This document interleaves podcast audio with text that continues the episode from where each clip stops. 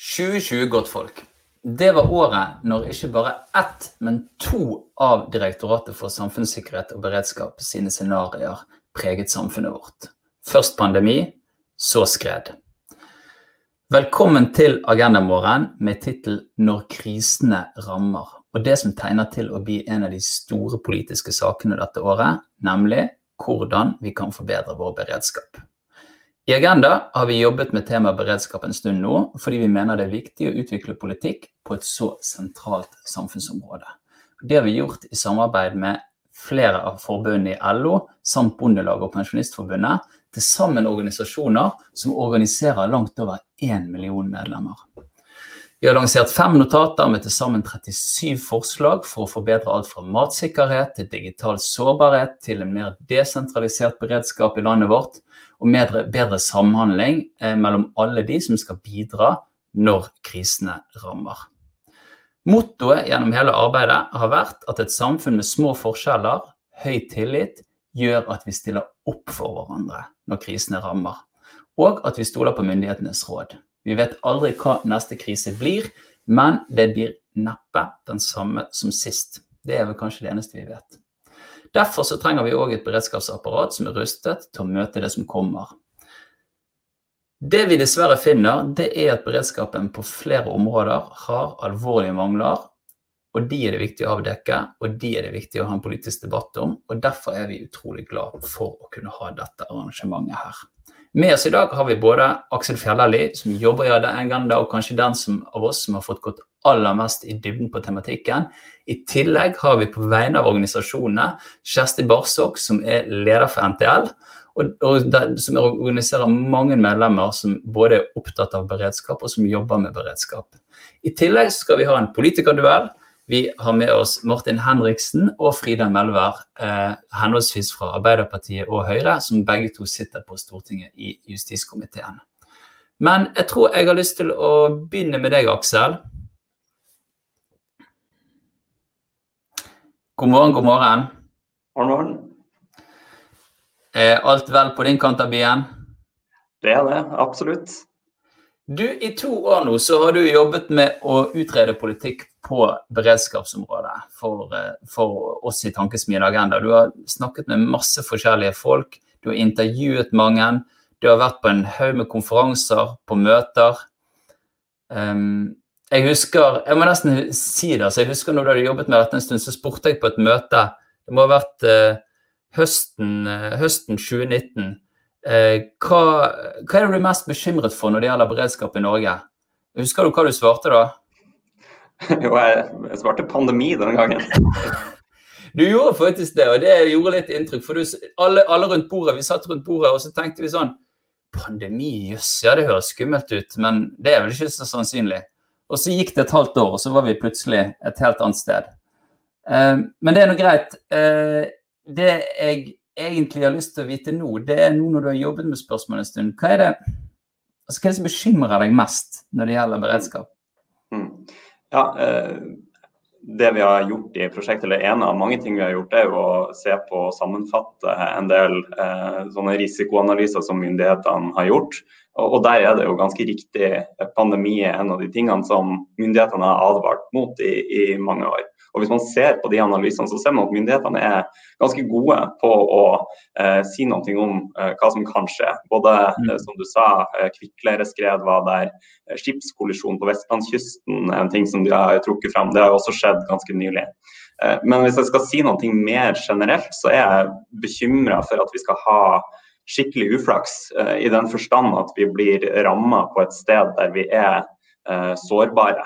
fordi vi har jo et sterkt og godt uh, beredskapssystem uh, i store trekk på mange steder. Men så har vi også områder der vi er sårbare. På den ene sida så har vi f.eks. et ja, kanskje verdens sterkeste helsevesen, mens på den andre sida så har vi en del alvorlige hull.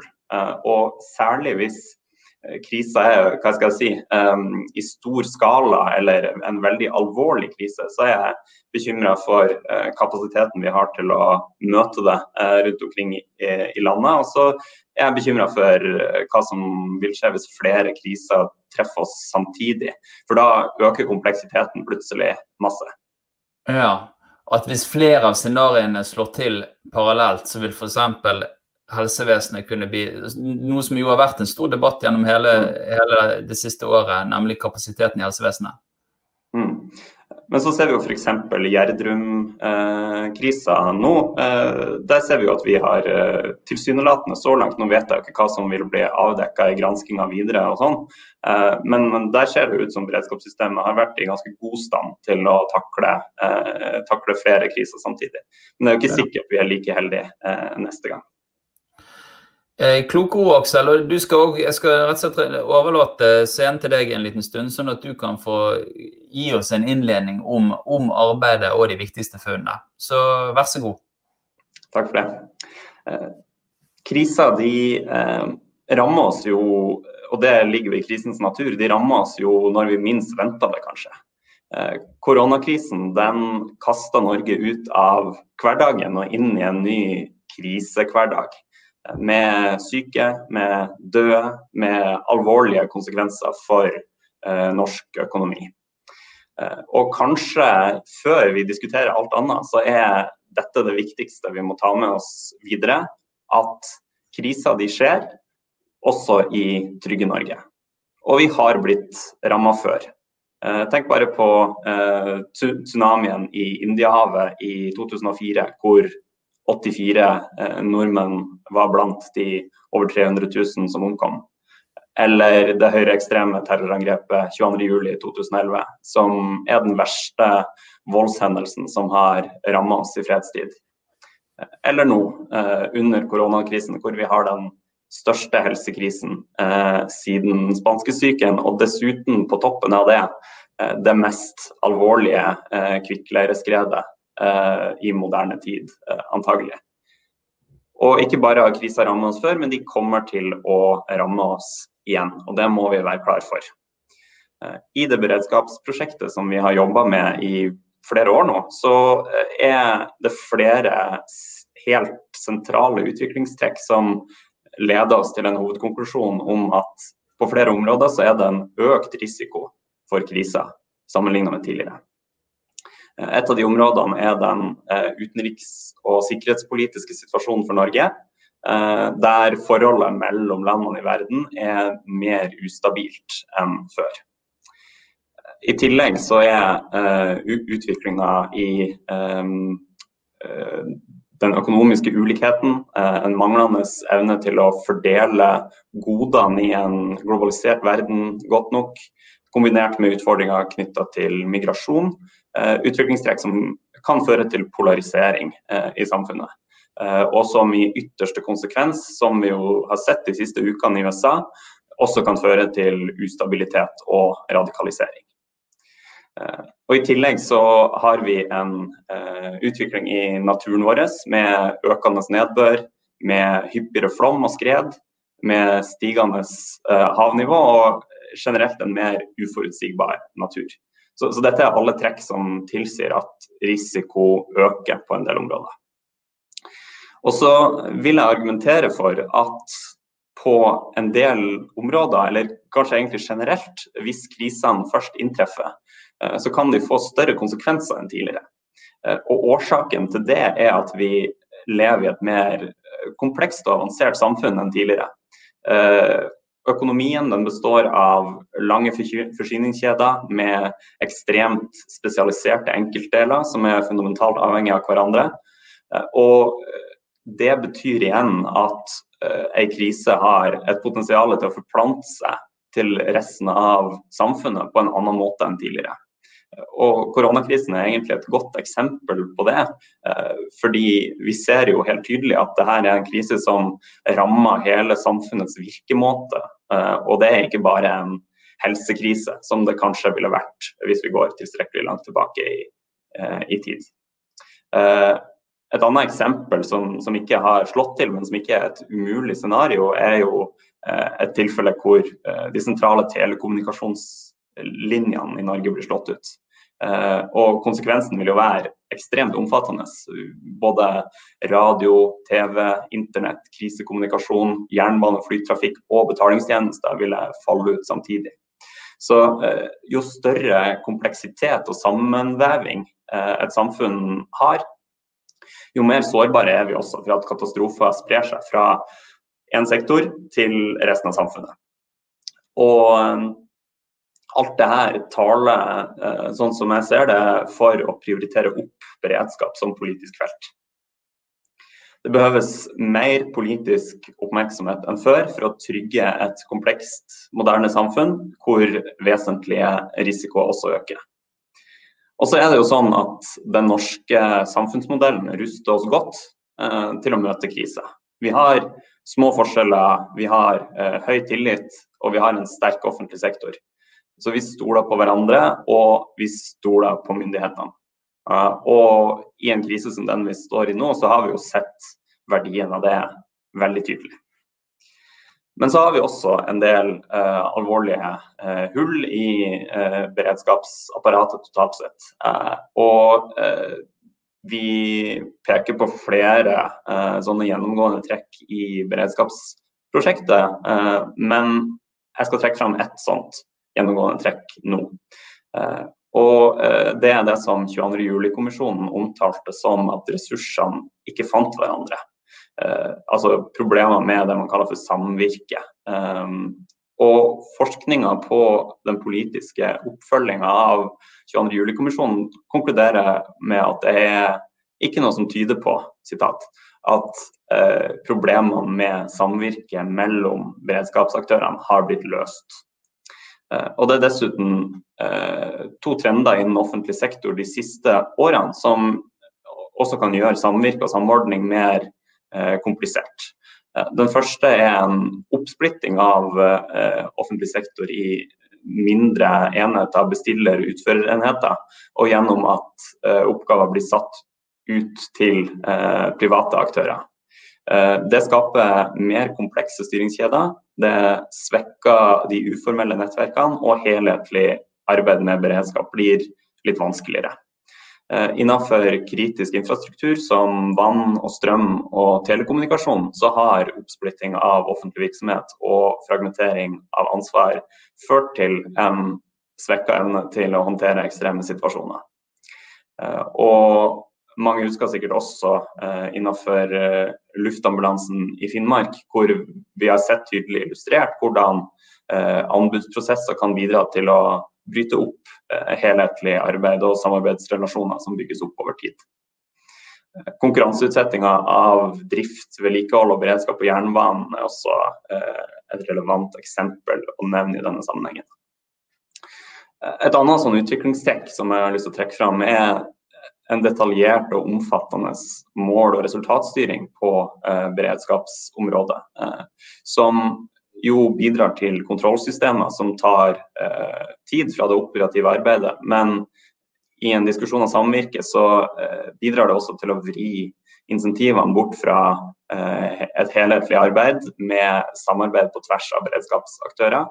Eh, og man svarer Altså med, med, hardere styring så blir det også viktigere å eh, rapportere internt egen eh, silo opp til de som har satt målene.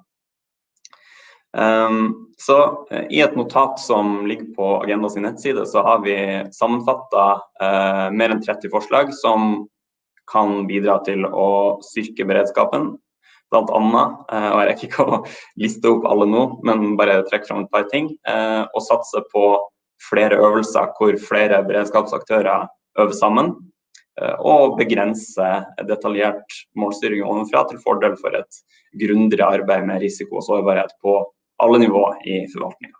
Så eh, jeg håper dere har eh, lyst til å eh, etter dette arrangementet også ta en kikk på det arbeidet vi har gjort, og så ser jeg fram til eh, resten av arrangementet.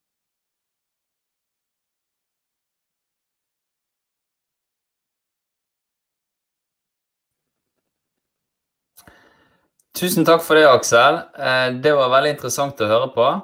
Og eh, jeg tror eh, vi skal rett og slett bare gå Du, vi, du kommer tilbake mot slutten av møtet for å være med og oppsummere litt. Nå tror jeg vi skal rett og slett gå rett videre til Kjersti Barsok, som er leder for NTL. Er du her, Kjersti? Jeg er her. Hei, Trygve. Der er du, vet du. Fra kontoret ditt, ser det ut som. Ja, jeg måtte tusle ned hit i dag. Ja, det er bra. God morgen. Har du en bra morgen så langt? Absolutt. Veldig hyggelig å få starte dagen sammen med dere i Agenda, og også eh, Arbeiderpartiet og Høyre etterpå. Så det, det er en god tirsdag. Veldig bra. Og eh, ikke helt uvesentlig for en leder i NTL. Du organiserer jo over 50 000 ansatte som både jobber i staten og ja, hva det heter, virksomheter eh, med offentlig tilknytning, tror jeg. Ja, blant annet. Mm. Blant annet. Og eh, det betyr at ganske store deler av beredskapsapparatet, enten det er DSB, altså Direktoratet for samfunnssikkerhet og beredskap, eh, Norges vassdrags- og energidirektorat, Forsvaret, politiet, Statens vegvesen, Sivilforsvaret eh, Det er ganske mange av dine medlemmer som på en eller annen måte jobber i beredskapsfeltet, om jeg har forstått det rett? Mm. Ja, det stemmer.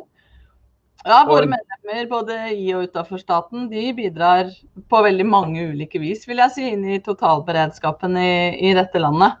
Så bare for å, for å, ha sagt det innledningsvis, da, så handler jo samfunnssikkerhet og beredskap for oss om både folks mulighet til å ferdes, leve og ikke minst også jobbe trygt over hele landet.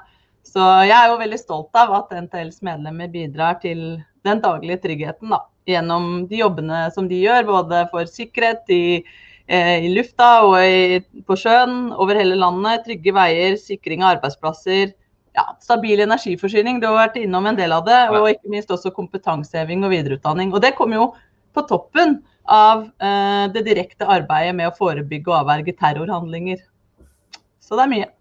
Ja, ja, det skjønner jeg. Og eh, jeg skjønner, eh, jeg skjønner at du er stolt av medlemmene dine. men, men, det jeg òg ser for meg, da, eller skjønt, er jo at i, i, og med at dere har den medlemsmassen, så går det en god del beredskapsdiskusjoner også i NTL. Og eh, Har du lyst til å bare si noe kjapt før du skal få, få scenen om, om hva det er medlemmene dine eh, syns er de største utfordringene? Altså for å starte på toppen, da, største, det, den største utfordringa som våre medlemmer peker på nå, det er jo ressurssituasjonen. Og hva mangelen på ressurser går utover. Og vi ser jo at det rommet de har til å, til å jobbe med ting som er vanskelig å måle, Aksel var jo litt inne på det i stad, er eh, betraktelig mindre. Så det er eh, Den store overskriften når vi snakker om dette for vår del, handler om ressurser. Og så kan jeg utdype det litt eh, litt etterpå. Hvis jeg skal være litt djevelens advokat før du slipper til, men er ikke, det, er ikke det det man alltid sier når man kommer fra eh, fagbevegelsen, at vi trenger mer ressurser? Vi er jo opptatt av at vi skal drive effektivt og økonomisk forsvarlig, men sånn som det er nå, så ser vi jo en utstrakt målforskyvning i offentlig sektor, hvor det som, eh, det som er lett å måle, ofte er det som eh, må prioriteres, fordi man har en veldig streng mål, målstyring. Så det er, jo, det er, jo, den ene siden av det. Og det andre er jo at vi siden 2015 har blitt utsatt for det regjeringen kaller for en avbyråkratiseringsreform, men som jo er flate kutt i driftsbudsjettene til virksomhetene. Eh, og det merker vi. Så når vi snakker om ressurser, så er det jo fordi at man har hatt uprioriterte kutt i budsjettene over, over mange år. Og det, det har store konsekvenser. Du, dette får vi også sjansen til å diskutere med politikerne etterpå. Nå tror jeg bare gir scenen til deg, Kjersti, og så skal du få, få, si noen ord. Vær så god. Ja, tusen takk for det. Eh, som jeg allerede har sagt, Trygve, så er det ressurser vi trenger for å ha det apparatet eh, som må være på plass når krisa rammer. Og ikke bare er det viktig når krisa rammer, men det er jo viktig for å bidra til å hindre at kriser rammer, og ikke minst også til å bidra til å minske omfanget når kriser først skjer. Um, så det korte svaret, som jeg sa, det er ressurser. Så nevnte du Trygve, en del, eh, del, områder og virksomheter innledningsvis. Det er jo flere, uh, eller det flere av våre tillitsvalgte melder tilbake uh, at de opplever, er at det blir færre som gjør nettopp disse oppgavene, og at de har mindre tid til å løse dem. Det er regjeringens iver etter å dele opp, fragmentere, flytte, forminske, men samtidig sentralisere eh, alt i veldig stor grad under denne avbyråkratiserings- og effektiviseringsreformparaplyen, som vi jo velger å kalle for ostehøvelkutt. Eh, og Det ser vi på som en stor utfordring for den totale beredskapen i dette landet. Når ressursene knappes inn, så blir det mindre tid til trening, til samarbeid og ikke minst også til forebyggende arbeid. Vi opplever at samfunnsoppdraget til alle beredskapsetatene er gjenstand for svært høye ambisjoner fra alle regjeringspartiene. Men samtidig så må jeg jo si at det er litt rart å høre de samme partiene, både i og utafor eh, regjeringen, fortsette med en fortelling om at staten er for stor og staten er for dyr. Og spørsmålet er jo da ja, hvilke av disse etatene har vi egentlig råd til å bygge ned? Folkehelseinstituttet, DSB, NVE, politiet. Ostehøvelkutt. Det er en ganske skummel øvelse. Og for oss så er det sånn at breiere beredskap er bedre beredskap. Men den er ikke billigere eller enklere å organisere av den grunn.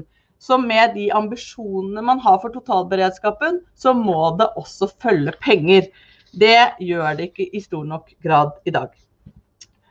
Og så er vi jo, og det er derfor jeg er så spent på debatten etterpå også, vi trenger jo modige politikere med ekte politisk vilje til å prioritere oppgaver som ikke lar seg telle så lett. Som ikke passer til det vi jo litt muntlig kaller for dagens ganske så perverterte målstyring. Det må altså legges bedre til rette for samarbeid mellom aktørene i beredskapskjeden. Fordi godt samarbeid, det er vanskelig å måle, men vi trenger det likevel at vi lykkes med å forebygge så noe ikke skjer, det kan være vanskelig å måle. Men det er jo nettopp det som gjør at vi føler oss trygge og faktisk er trygge. Og det er vi nødt til å ha råd til. Og Aksel var jo inne på at sånn situasjonen er i dag, så er ikke det problemet løst. Så hvordan står vi bedre rusta når krisene rammer? For det siste året har jo vist oss, som dere også har vært inne på, at det er ikke sånn at det nødvendigvis er én og én krise. Det kan være flere samtidig. Og det understreker jo bare behovet for at vi har en helhetlig tilnærming til eh, beredskap. Totalberedskap det handler om samfunnets samla beredskapsressurser. Landet vårt sentraliseres. Det skjer på alle forvaltningsnivå. Men alle kriser skjer i en kommune, og skal vi sikre befolkningen, så må vi sikre at det er beredskapsressurser lokalt. Enten det er en statlig etat eller det er kommunens regi. Og ressursene som er satt av til beredskap i kommunene, de stemmer ikke overens med beredskapsforpliktelsene som ligger på kommunene. Når politireformen har gjort at politiet er mindre til stede lokalt, så skaper det ytterligere press på det kommunale brannvesenet, som oftere er først på plass når noe skjer. Sivilforsvaret, en uh, viktig del av den nære beredskapen over hele landet, og som vi fra NTL sin side har snakka mye om over flere år, de har blitt systematisk underprioritert over mange år. Og i dag så er de i en situasjon hvor det bl.a. øves mindre enn det som er definert som kritisk behov, og hvor vi ser at mye av det utstyret de besitter, det er gammelt utstyr. Og jeg må si at jeg er veldig imponert over hva de klarer. Men det er altså på tross av og ikke pga. ressursprioriteringene til Sivilforsvaret. Vi i NTL vi mener at samfunnssikkerhet og beredskap det er et offentlig ansvar. Men jeg skal også understreke at private aktører spiller en rolle for totalberedskapen. Og målsettinga er å bruke de samla ressursene i samfunnet best mulig i møte med ulike trusler. Imidlertid så er det grunnlegg et grunnleggende skille mellom de tilfellene hvor private aktører og frivillighet komplementerer beredskap i offentlig regi. og også opp mot de tilfellene hvor oppgaver som tidligere var offentlige, blir satt ut til private. Vi savner jo at det er en del av vurderinga når man privatiserer og setter ut oppgaver. Vi mener jo at samfunnsberedskap er en offentlig kjerneoppgave, og at beredskapsarbeid derfor er et offentlig ansvar. Eh, Aksel var jo inne på noe av dette, men det er altså sånn at oppsplitting og oppgaver som settes ut fra offentlig sektor til private, det skaper mer komplekse styringskjeder og økt sårbarhet i en krisesituasjon. Det vanskeliggjør jo også samarbeidet mellom etatene, uavhengig av hvilken del av forvaltningen de er en del av. Eh, og så må vi også huske på, tenker jeg, at det er mange av disse selskapene som overhodet ikke har beredskap som hovedformål. De har inntjening som hovedformål. Eh, og det mener jeg er ikke et godt grep for å sikre bedre beredskapsevne. Og det jeg, kan jeg skyte inn til slutt, for i tillegg til denne frokosten, så er det jo også i dag høring på regjeringens samfunnssikkerhetsmelding. Og det siste som jeg trekker opp her, det har ikke regjeringen valgt å bruke noe tid på å drøfte i samfunnssikkerhetsmeldinga si. Og det kommer vi selvfølgelig til å komme tilbake til i Stortinget senere i dag. Så jeg skal inn, eh, begynne å gå litt inn for landing. Vi i NTL, la det ikke være noe tvil om det, vi heier på politikere som har ambisjoner for offentlig sektor, og som har ambisjoner for total beredskap. Det er viktig for oss som innbyggere i dette landet, selvfølgelig. Men det berører også arbeidssituasjonen til veldig mange av medlemmene i NTL og veldig mange av medlemmene i LO. Men for, for oss så må jeg si at applausen og heiaropene de stilner veldig fort når vi ser at de ambisjonene som fremlegges, ikke kommer med noen finansiering. Man har liten vilje til å finansiere det. Det hjelper veldig lite for å sikre bedre beredskap. Så jeg ser veldig fram til den debatten som skal være etterpå, og håper at vi får tydelige politiske signaler eh, gjennom den. Så takk for meg så langt, og eh, lykke til med debatten. Tusen takk for det, Kjersti. Det var et uh, flammende innlegg, uh, rett og slett. Uh, og du, som du sier, du ser fram til debatten. Hvis du skulle sendt med meg et spørsmål inn i diskusjonen med politikerne, hva skulle det vært? Og du må jo utfordres på ressurser, da. Og det å tørre å, tørre å prioritere ting som man ikke kan tallfeste til media etterpå. Ja, rett og slett jeg tror Noe som dukket opp i løpet av dette arbeidet, er noe sånn at det er ingen som klipper snorer for ting som ikke har skjedd. Men det er, det, det er kanskje noe sånt du etterlyser av politikere? Ja, det er jo nettopp det som gjør at vi føler oss trygge. Hvis vi går rundt og tenker på alt som kunne ha skjedd, så er det jo ikke grenser for hva vi kan eh, tenke på. Men eh, det gjøres jo mye jobb allerede i dag som sikrer at mange ting som kunne skjedd, ikke skjer.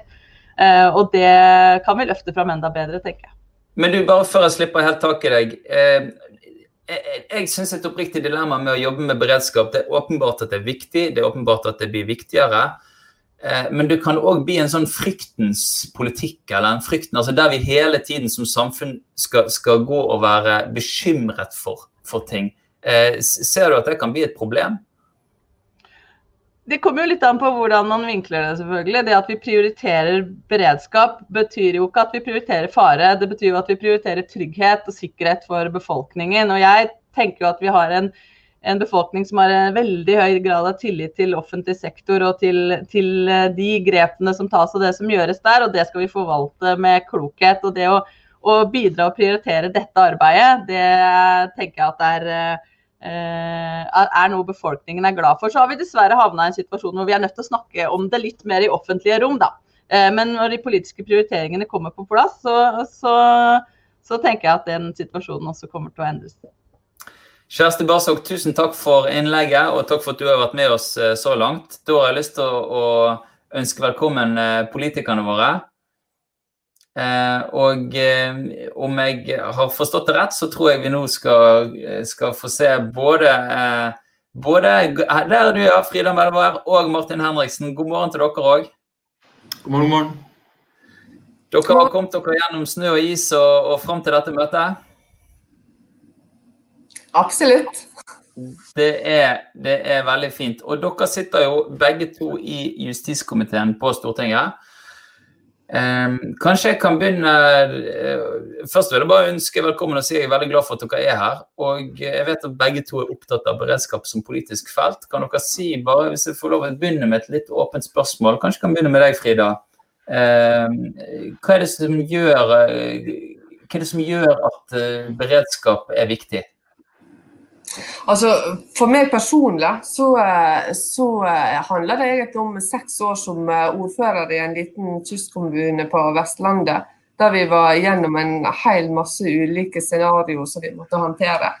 Eh, og da ga jeg en veldig sterk læring for hvor viktig beredskapen er. Både i mindre hendinger, men òg i, i større og mer alvorlige hendinger så ser vi ikke minst den utviklingen som vi har hatt de senere åra. Vi har jo vært gjennom altså tørkeperioder, skogbranner, eh, evakuering av cruiseskipet på Hustadvika. Vi står nå midt i en pandemi.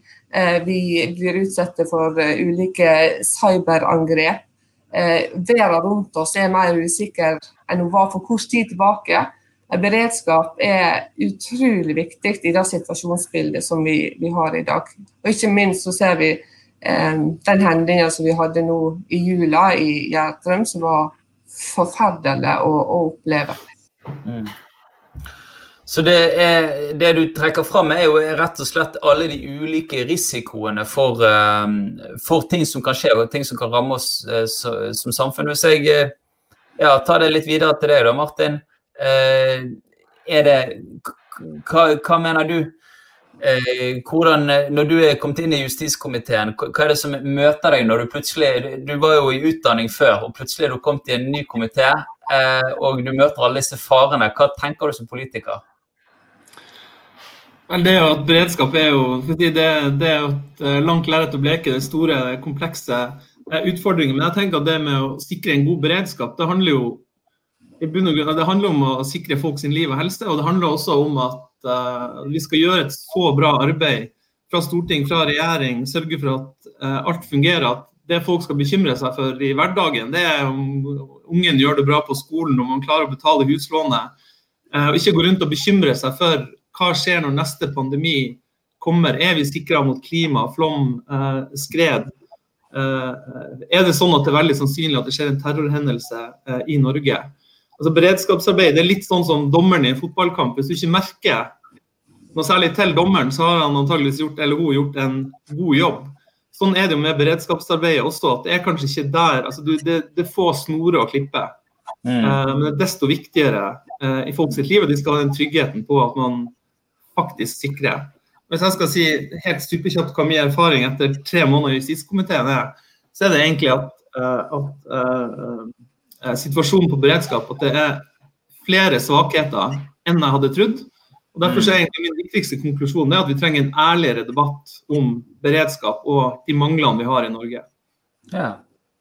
God, men før vi går litt ned i grøten, bare, bare for å stille et litt sånn ovenfra altså et, et spørsmål fra luftperspektiv til dere som politikere. fordi dette er åpenbart viktig. Hvis det er noe moderne historie har vist oss, så er det hvor viktig beredskap er. Samtidig så vet vi òg hva som skjer hvis politikere skremmer befolkningen på en eller annen måte og snakker veldig mye om farene som finnes der ute. Er det et dilemma, ser dere?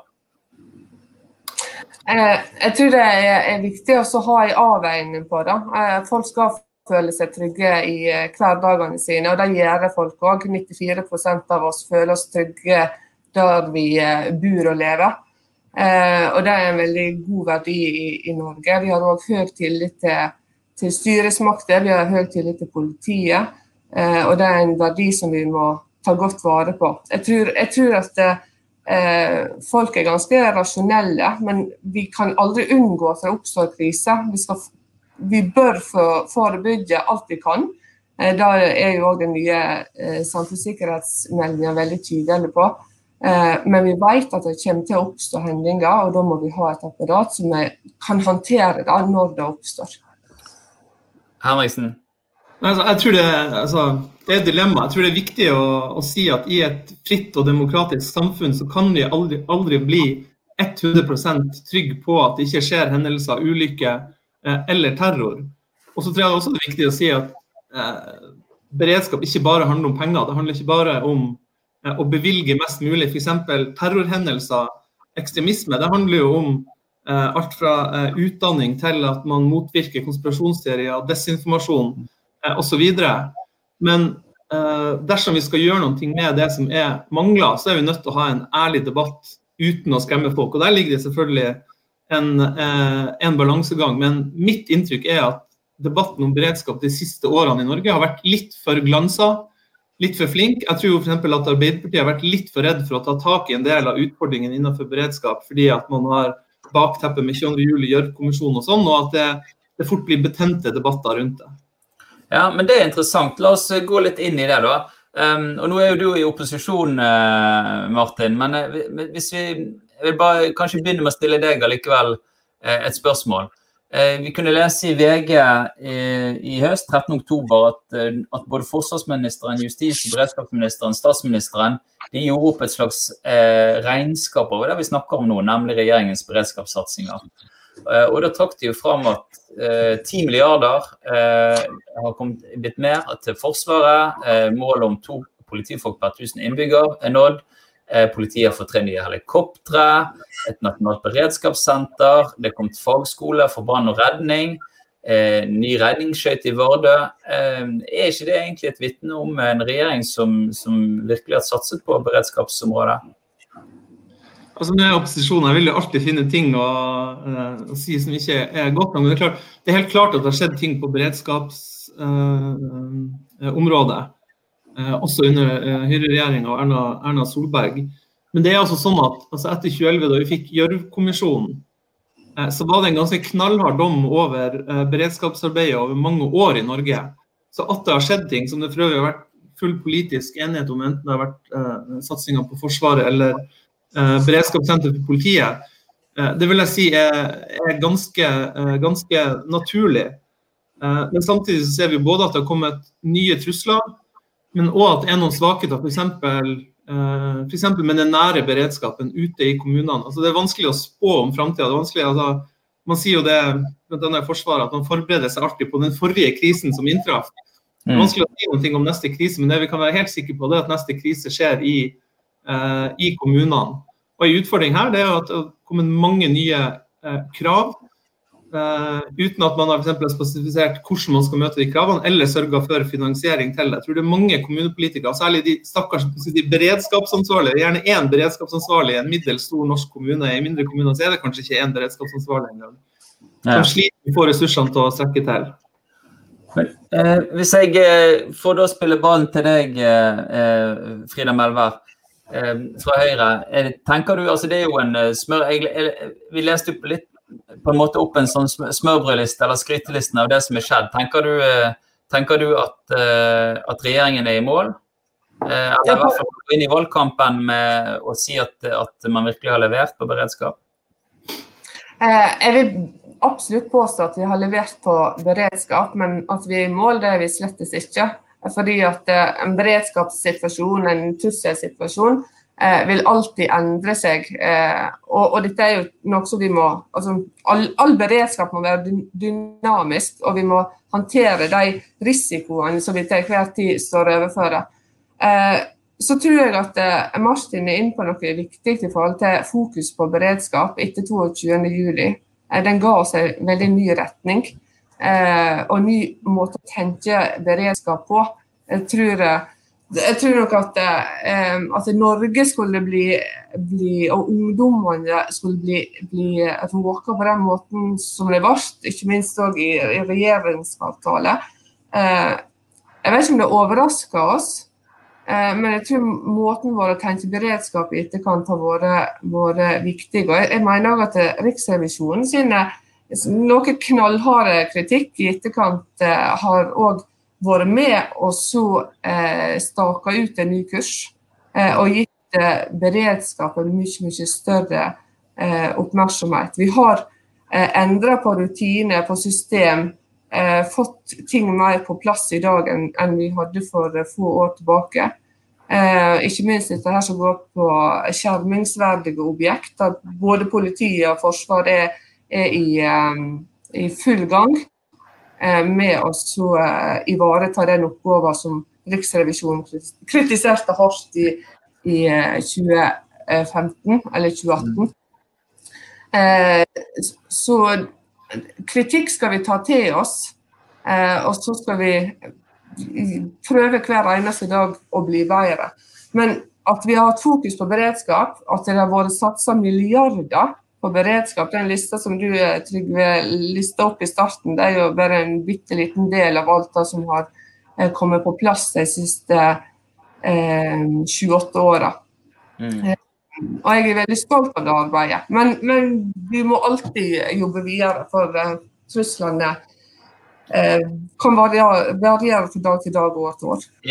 Ja, ja det, siden du tar opp det med, med Riksrevisjonens rapport, så var det nok um det var vel kanskje mange som ble litt forundret når med det alvorlige bakteppet, nemlig 22.07, eh, og når det da har gått fire år, så, leverer, så leverte altså eh, Riksrevisjonen en, en rapport Eh, en rapport om beredskapsarbeidet som var foregått i Justisdepartementet. Og de skriver jo selv at dette er noe av den mest alvorlige kritikken de noen gang har levert mot et departement.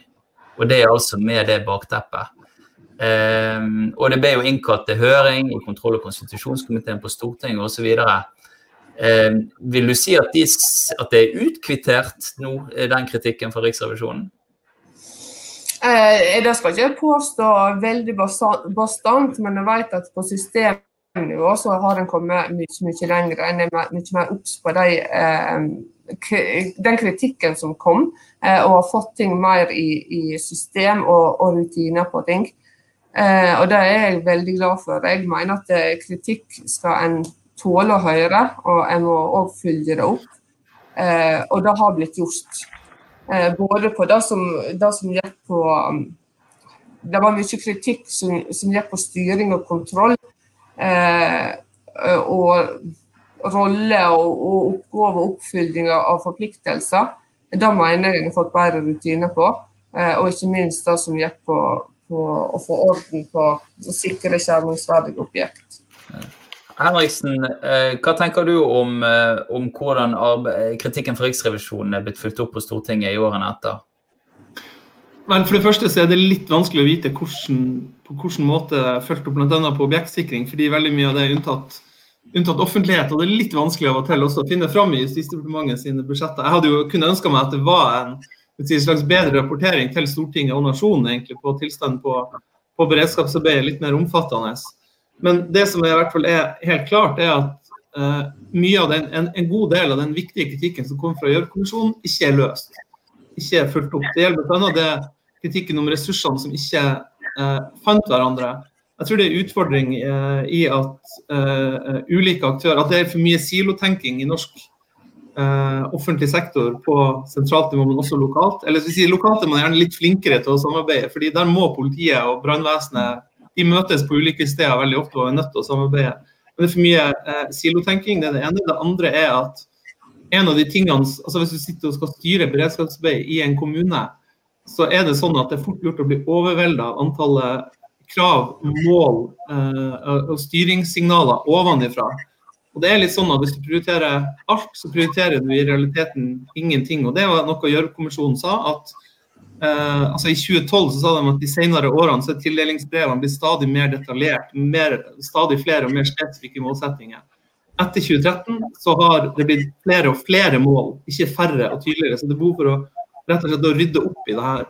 Og så er det nok en del lærdommer som ikke har sunket helt inn. Det så vi f.eks. da det var et et terrorangrep fra en norsk høyreekstremist på en moské i Bærum, der eh, man ikke tok den beskjeden alvorlig nok, kjørte feil og man skal egentlig takket være noen sivil privatpersoner eh, at det ikke ble en mer alvorlig hendelse der.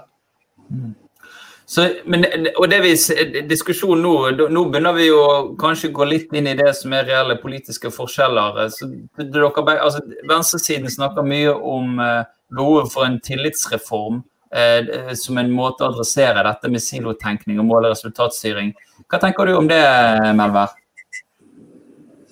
Eh, altså jeg mener at vi i utgangspunktet har en liksom sterk tillit eh, i landet vårt. og Vi har en, en, fantastisk ressurs i alle mennesker som er ute, både fra eh, kommuner eh, og de ulike beredskapsaktørene, ikke minst frivillige lag og organisasjoner. Og, og, hver enkelt av oss som stiller opp når eh, et lokalsamfunn eller, eller, deler av landet er i krise. Det ser vi ikke minst nå under pandemien. Selv om det har gått et år med pandemi, og folk er fremdeles veldig lojale til det tiltaket som blir eh, innført. Vi er veldig heldige med folket vårt i dette landet, det er ingen tvil om. Men så tror jeg òg at det, det, har vært eh, mye silotenking. Og så håper jeg og tror jeg Jeg opplevde det litt sjøl. Jeg ble ordfører i 2011 og satt til 2017. Og på de årene da så opplevde jeg ei vanvittig utvikling innen beredskapstenking og eh, kommunikasjon mellom kommunene og de ulike aktørene. Det var, det var en givende utvikling, og det var jeg veldig glad for å se. Og jeg tror at det, vi har mye å gå på. Har også, eh, vi har mye å gå på når det gjelder å forstå situasjonsbildet. Det var jo òg noe som kom fram etter Nato-øvinga i 2018, at er lokalt og regionalt nivå eh, må få ta større del i, i eh, situasjonsbildet. Vi har vært veldig fokuserte på sentralt nivå, eh, men at dette her ikke har vært implementert på lokalt og regionalt nivå. og Det er et arbeid som vi må ta videre.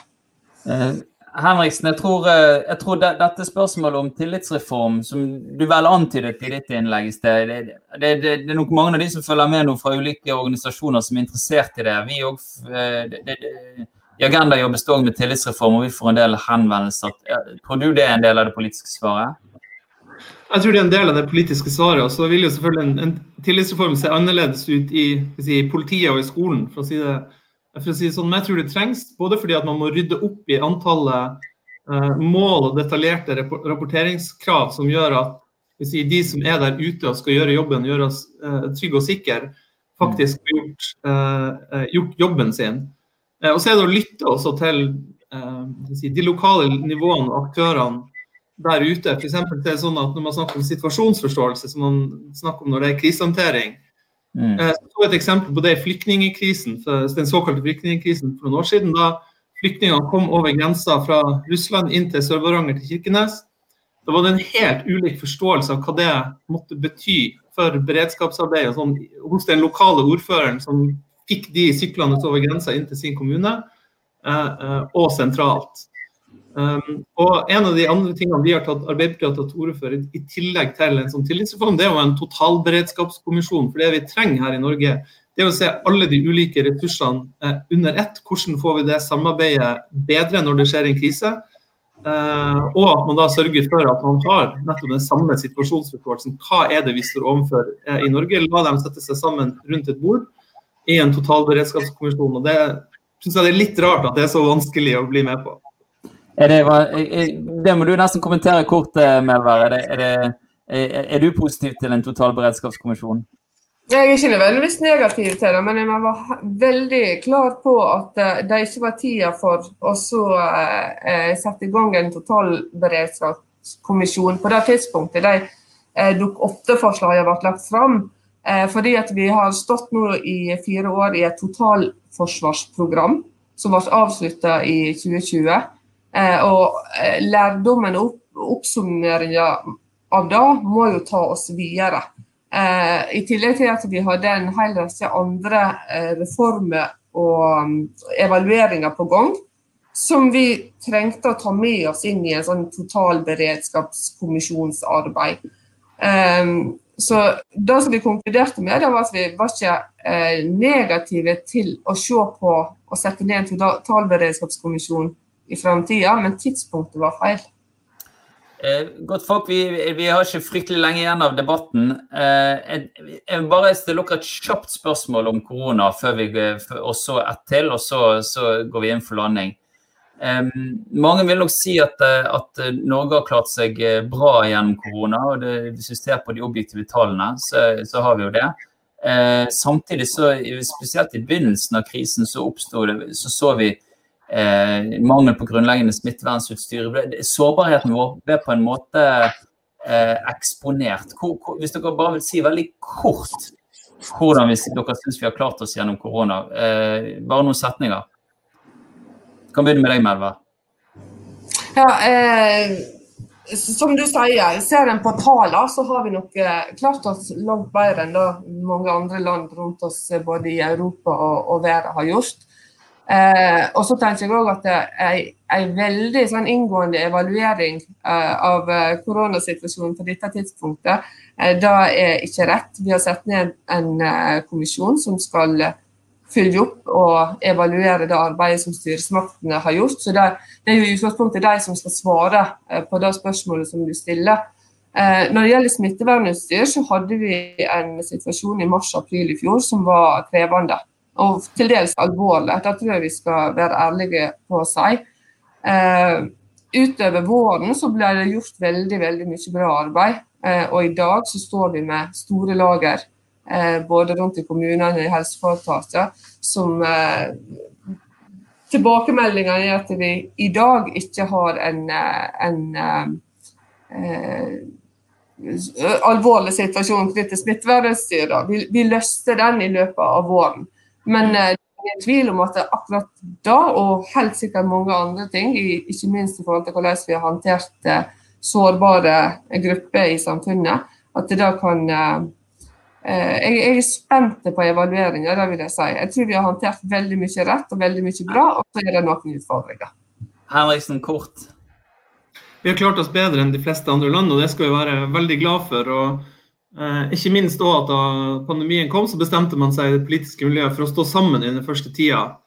Eh, ikke lage et politisk spill ut av det. Det tror jeg var viktig. Men det er klart, det kommer noen viktige lærdommer fra koronakrisa på mangler i Norge. At vi hadde for lite beredskapslager av smittevernutstyr, for svak intensivkapasitet og for lite kapasitet til produksjon av legemidler, mm. eh, eh blant annet. Nå klarte vi oss gjennom den, den, bøygen.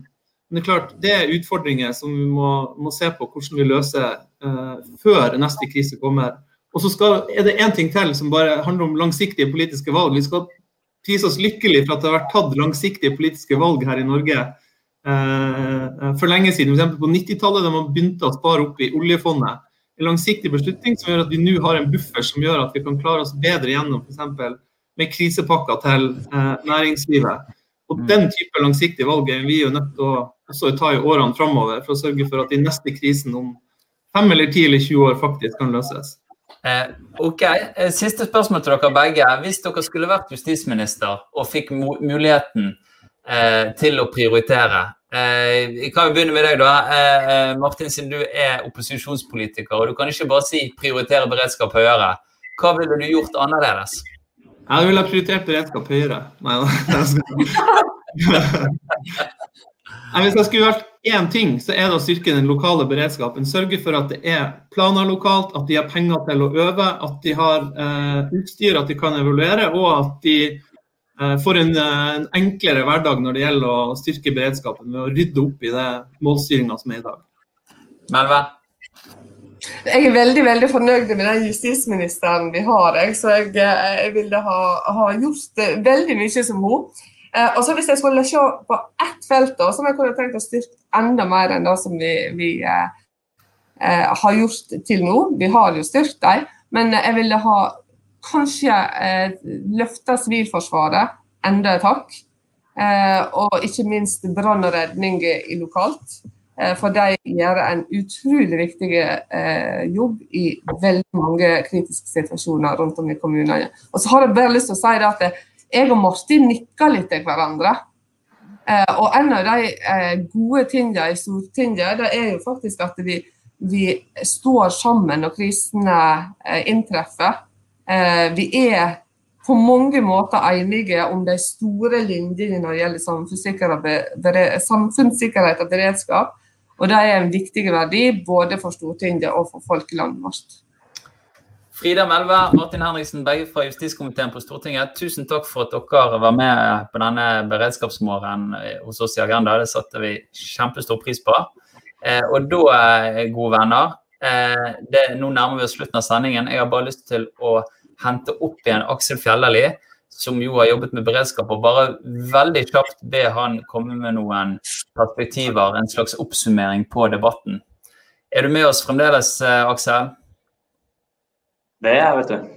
Der er han. Eh, hva syns du? Eh, hva syns du om politikernes debatt og, og diskusjonen som fulgte? Jeg syns det var en uh, veldig interessant diskusjon. altså I hvert fall for meg som, som jobber med beredskap til daglig i, i hverdagen. Det å uh, få politisk uh, diskusjon om dette syns jeg var super, supergivende.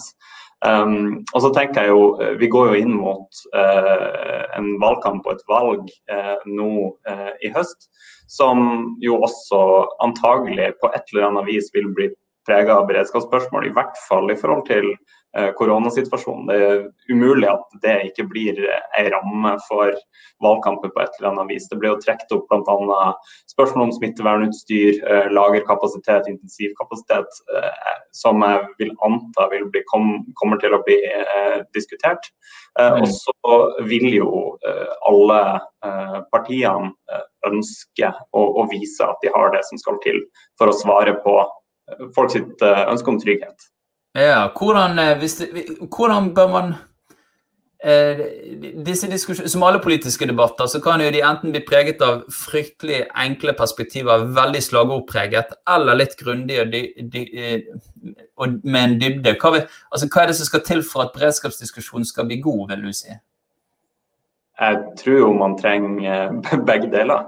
Altså Man trenger en, en eh, grundig faglig belagt uh, diskusjon hvor man også trekker fram uh, de politiske forskjellene som jo også finnes der, på en tydelig måte. Både når det gjelder forskjeller langs offentlig-privat-aksen, som jo også kommer til uttrykk i beredskapsarbeid, f.eks. knytta til den luftambulansediskusjonen vi hadde, knytta til anleggsenheten i NVE og, og så er det jo spørsmål om eh, sentralisering, desentralisering, som jo eh, preger eh, alle politikkområder på et eller annet vis. Det får vi helt garantert sjansen til å snakke mer om en annen gang. Tusen takk for at du også var med og gjorde oss klokere denne morgenen. Og da har jeg bare lyst til å si, avslutte på vegne av Tankesmien Agenda, si tusen takk til alle som har hørt på og fulgt med på det. Vi er veldig glad for innspill i måten vi jobber på. Jeg er veldig glad hvis folk har lyst til å lese mer i notatene som vi har jobbet fram i samarbeid med mange andre. Eh, dette er rett og slett et viktig politikkområde eh, og et satsingsområde for oss. Så takk for, til deg som har fulgt med òg, og vi høres.